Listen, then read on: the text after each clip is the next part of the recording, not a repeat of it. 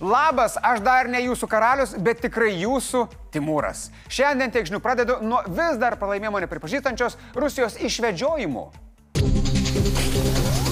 Prisimena tą sėkmingą Ukrainos naujametinį sveikinimą Makijivkoje, kuomet keli šimtai mobilizuotojų, tiksliau okupantų, buvo nusiusti ten, kuriems ir vieta. Tai va, Rusija paskelbė, kad nereikia čia atskleisti visų ten žuvusiųjų vardų ir pavardžių. Kodėl?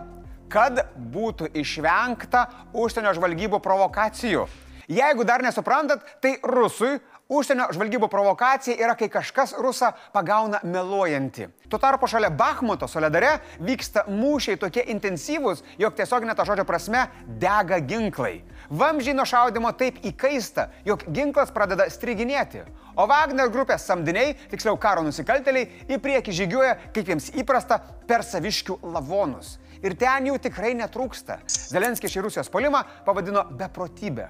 O kol rusai dega savo pačių užkurtame pragare, Ukrainos sąjungininkai parūpina tam pragarui malkų, tiksliau ginklų. Kiek per vėlai, bet aišku, po truputį, po truputį sąjungininkai plečia Ukrainai tiekiamų ginklų sąrašą. Leidinys politiko, remdamas iš šaltiniais pranešė, kad valstijos svarsto galimybę perduoti Ukrainai pėstininkų kovos mašinų Striker. Na, o visiems teiginio, kad Baltarusija jau to įžengs į karą šalininkams, Pentagonas sako, nematome jokių ženklų, kad tam yra ruošiamasi. Rusai ir Baltarusiai tiesiog užseima pratybomis. Na, multitaskinimo asai tai rusų fašistai, ne? Baltarusija pratybos, Ukraina jau genocidas. Ir dėja, bet greitai jų už tai nuteisti nepavyks. Bent jau taip mano Eurojusto vadovas Ladislavas Hamranas. Ne, aš nepraleidau neradės, jis tikrai Ladislavas, ne Vladislavas. Po Ukrainos gynėjų didvyriškos kovos Mariupolyje apie miestą daugiau nelabai ką girdim, išskyrus tai, kad jį okupavę rusai ir toliau greuna miestą, taip bandydami kuo geriau paslėpti įvykdytus nusikaltimus. Lietuvoje okupantai irgi slėpia savo nusikaltimus, praėjo daugiau nei 80 metų, o mes atsimenam, nepamiršim. Mariupolio miesto taryba ir meras Vadimas Boičenka, čia tas kur normalus, pro-ukrainietiškas, paskelbė, jog laikinai okupuotame mieste vis daugėja rusų karių, kurie arba ruošia gynybos linijas, arba yra atvežti į miestą, jog ten užtikrintų saugumą. Na, aš sakau, tegul važiuoja. Tegul važiuoja, bazuojasi ir laukia atskrendančių Haimarsų arba žinių apie Putino mirtį. Nu, ko ten daugiau Mariupolį laukti? Nu, kažko. O karma, žinokit, veikia įvairiausiais būdais, ne tik Haimarsais ar savadarbiais dronais, bet ir netikėtais gaisrais. Šiandien Maskvoje kilo didžiulis gaisras. Iš pradžių užsidegė šiukšlynas, na ir čia ne visa Rusija, čia tiesiog vienas iš Maskvos šiukšlynų, vėliau tas gaisras persimetė į parfumerijos sandėlius, administracinį pastatą ir bendrabutį netoli metro stoties. Taip kad burn, baby, burn. Mm, mm, mm, mm. O yra vienas darbas, kurio dar šiandien nepadariau, bet gal vėliau. E, Reikia Wikipedijoje atnaujinti žodžio cringe'as reikšmės aprašymą. Vidaus reikalų ministerija pristatė krepšinio motyvais apipintą pasiruošimo ekstremalioms situacijoms kampaniją Esame komanda, turime planą. Ir sukvietė į ekstremalę minutės pertraukėlę arba... Šiuo metu Lietuvoje civilinė sauga išgyvena naują etapą, atgimimo etapą. Kodėl krepšinio motyvai? Nežinau, sunku pasakyti. Gal tai reiškia, kad į bunkerį keliautų tik startinis penketukas? Nežinau. Klausykit, turim 72 valandas. Kampanijos klipo esmė paprasta. Vyresnio amžiaus treneris, tu kokio nors Kurtinaičio ar Kazlausko archetipas, aiškina savo komandai, ką daryti. Visi gerai varo, nes žino savo vaidmenis. Vienas seka naujienas per appsą, kitas ruošia šeimos planą, trečias kuprinę sukrauna. Esame komanda, turime planą. Vo. Taip žiūrėdamas dabar galvoju, gal mūsų rinktinė daugiau pasiektų, jeigu Sigitas Raškis jai vadovautų, ką? Pasak vidaus reikalų ministrės, prieš porą metų civilinės saugos paskatos kėlė nuobodulį ir tai buvo daroma tik dėl vadinamojo paukščiuko - Vilniaus pašonėje esanti Astravo elektrinė. Karas Ukrainoje ir hybridinis Baltarusijos karas pakeitė situaciją. Dabar žmonės tikrai domisi ir klausia, o kur šalia manęs yra šita priedanga. Domisi, kaip susikrauti e, priedangų, išgyvenimo e, krepšį ir e, ką reikia daryti, kokio plano reikia imtis tam, kad apsisaugoti save ir savo šeimą. Žodžiu, Putinas ne tik suvienijo Europą, bet ir sutvarkė mūsų požiūrį į savisaugą. Visgi yra bedelė. Žmonės vis dar nelabai žino, ką daryti ekstremaliuose situacijose. Kaip žino vos pusė Lietuvos gyventojų. Taip pat pusė turi atsargų 72 valandoms. Tik penktadalis turi išgyvenimo krepšius ir tik dešimtadalis turi šeimos planą. O vos 9 procentai gyventojų tikrai žinotų, kaip elgtis stichinių ar žmogaus sukeltų nelaimių atveju. Taigi naujoji ilgalaikė kampanija turi pasiekti milijoną gyventojų ir kainuos pusę milijonų eurų. Visa informacija apie tai, ką daryti ekstremalių situacijų metu yra pateikta svetainėje lt72.lt. Užeikit, pažiūrėkit. Nors kampanijos pristatymas nesiekia legendinio Krindžio karaliaus Steve'o Balmerio standartų, Bet apie ją kalba visi ir tai yra gerai. Ar jūs, pavyzdžiui, esate pasiruošę?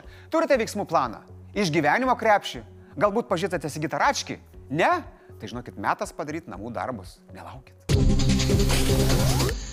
Sostinės gyventojus pasiekė gruodžio sąskaitos už šildymą. Mažasėrį mazutą vietoje dujų pradės deginti Vilnius, dar neseniai gyrėsi, kad šilumos kaina mažėja keturis mėnesius iš eilės. Tačiau nors už gruodį sąskaitos turėjo būti mažesnės, paaiškėjo, kad ne visi mokės mažiau. Yra visokių variantų.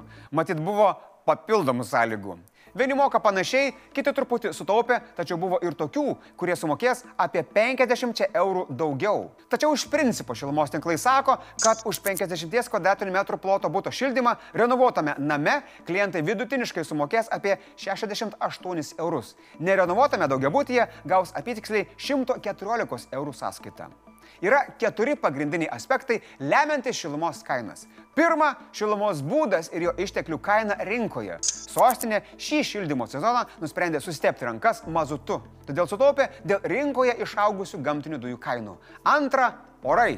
Kuo šalčiau, tuo šiluma brangesnė, o šis gruodis buvo truputį šiltesnis nei praėjusiu metu. Trečia, būsto energetinis efektyvumas. Naujų ir renovuotų būstų savininkai gauna apie 40 procentų mažesnės sąskaitas už šildymą. Ketvirtas dalykas darantis įtaką sąskaitoms yra jūsų veidrodyje. Tai jūs. Jeigu jūsų energijos vartojimo įpročiai tinkami, o name yra galimybė reguliuoti suvartojimą, galimai sutaupysite. Beje, sutaupė ir tie, kurie parašė prašymus dėl kompensacijų. Vilniečiai vis dar gali kreiptis dėl jų į miesto savivaldybę. Atitikus kriterijus, kompensacijos skiriamos visam šildymo sezonai. Tai vad. Tai kaip jūsų šildymo sąskaitos? Gavot? Tai užmigsit dabar ramiai, ar vartystės niekaip neužmigdami? Ar jums tiesiog dzin? Parašykit, kaip ten tos sąskaitos. Brazilijoje daugėjo sulaikytojų po to, kai vidury vasaros, nes ten dabar vasara, drąsuoliai nusprendė šturmuoti kongresą, prezidentūrą ir aukščiausiojo teismo pastatą. Sulaikytojų ir potencialių įtariamųjų mažiausiai pusantro tūkstančio. Tuo tarpu vakar į gatves išėjo brazilai, kurie palaiko dabartinį prezidentą Lula da Silva. Eidami San Paulo gatvėmis prodemokratiškai nusteikę šalies gyventojai skandavo, jog buvusiam prezidentui Bolsonaro vieta kalėjime. Kiek daugiau nei savaitę savo pareigas einantis Lula da Silva sekmadienio išpolius pavadino teroro aktais. Daugelis pasaulio lyderių išsakė jam savo palaikymą. Bidenas be kita ko dar ir pasikvietė Brazilijos vadovą svečių. Da Silva kvietimą prieėmė ir vasarį turėtų atvykti į JAV oficialaus vizito. Vakar buvęs prezidentas Bolsonaro jau viešėjo JAV, tik kelionė kiek apkarto, ne dėl protestų, tiesiog braziliškas Trumpas Floridoje dėl pilvo skausmų buvo paguldytas į ligoninę. Tiesa, jau vakare gydymo įstaigą Bolsonaro paliko. Beje, Twitteryje jis irgi pasmerkė savo šalininkų atakas, jo teigimu protestuoti dėrėtų taikiai. Tai vad už šitą proto prašvesėjimą aš žinokit ir išgersiu. Šiaip labai įdomu, kaip Bolsonaro taip greitai pilvo skausmus įveikė, ką? Galim vaikų myžalus dviejų metų berniukų gerti. Blitz naujienos. Kandidatas į Vilniaus miesto merus Mykolas Majauskas užsisakė Spinter tyrimų apklausą. Šiandien paskelbė, kad sužinojo, jog yra antras. Apklausoje pirmauja Artūras Zuokas. Šiaip tai visi žino, kad geras numeris 2 yra žymiai geriau negu geras numeris 1. Ypač ryte po gerų pusryčių, nu bent jau man, kaip jum. Ozono sluoksnis, saugantis gyvybę Žemėje nuo praždingos Saulės spinduliuotės per kelias dešimtmečius atsistatys. Vis dėlto prieštaringai vertinamos geoinžinerijos schemos, kuriomis siekiama sušvelninti pasaulinį atšilimą, gali sustabdyti šią pažangą. Pastarėjai aštuoneri metai buvo šilčiausi per visą žinomą istoriją, nepaisant laninį reiškinio vėsinančio poveikio pastaruosius trejus metus. 2022, kai dėl klimato kaitos įvyko precedento neturinčių stikinių nelaimė, buvo penkti šilčiausi metai nuo XIX amžiaus. Armenija pareiškia, kad šiemet nepriims Rusijos vadovaujamas buvusių sovietinių šalių kolektyvinių saugumo sutarties organizacijos karinių pratybų. Taip siekiama parodyti didėjantį nusivylimą Maskva. Gruodžio pabaigoje Armenijos vadovai sukritikavo Rusijos taikdarių darbą Pietų Kaukaze. Prisikariavo. Draugai, šiandien primenu, kad komentaruose norim sužinoti, gruodžio mėnesio sąskaitos jūs džiugina, liūdina, o galbūt nieko jums nedaro. Beje, jeigu namuose turit šunį ir dažnai pastebėt, kodėl tualetinis popierius taip greitai dinksta, gali būti, kad šie abu dalykai yra susiję.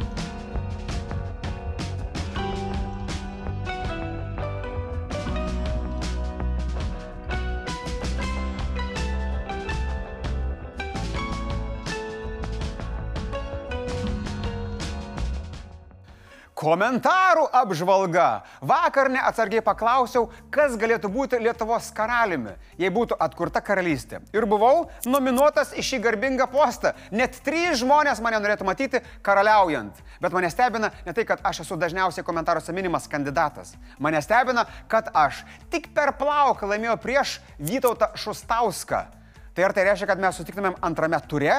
Ar aš čia savo patarėją turėčiau paskirti, ar mes tiesiog kokią nors dvikovą kaip pritarėjai sustiktumėm? Nors ne, Šusauskas turbūt nuo tarklio neužliptų, į alkotesterį pripūstų. Tai šiandien viskas, ryto čia būsiu ne aš, tiek žinių.